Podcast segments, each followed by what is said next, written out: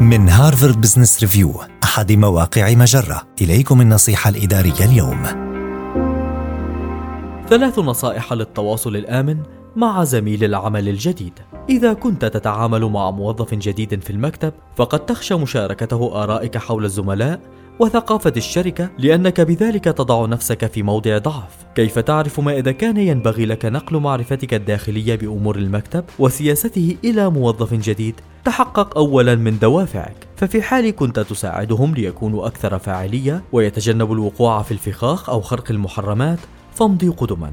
احترم الحدود وانتبه لكيفية انعكاس مشاركتك لهذه المعلومات عليك. ضع في اعتبارك أنه أيا كان ما تقوله لزميلك الجديد فهو سينعكس عليك وربما بطريقة سلبية. فكر فيما إذا كان الكلام الذي تقوله قد ينعكس عليك سلبا لاحقا. أنت لا تعرف ما الذي قد يقوله زميلك الجديد للآخرين. قد يعرضك هذا الأمر للفضيحة وربما يضر بسمعتك. هذه النصيحة من مقال كيف تتكلم عن سياسة المكتب مع زميل جديد؟ النصيحة الإدارية تأتيكم من Harvard Business Review أحد مواقع مجرة مصدرك الأول لأفضل محتوى عربي على الإنترنت.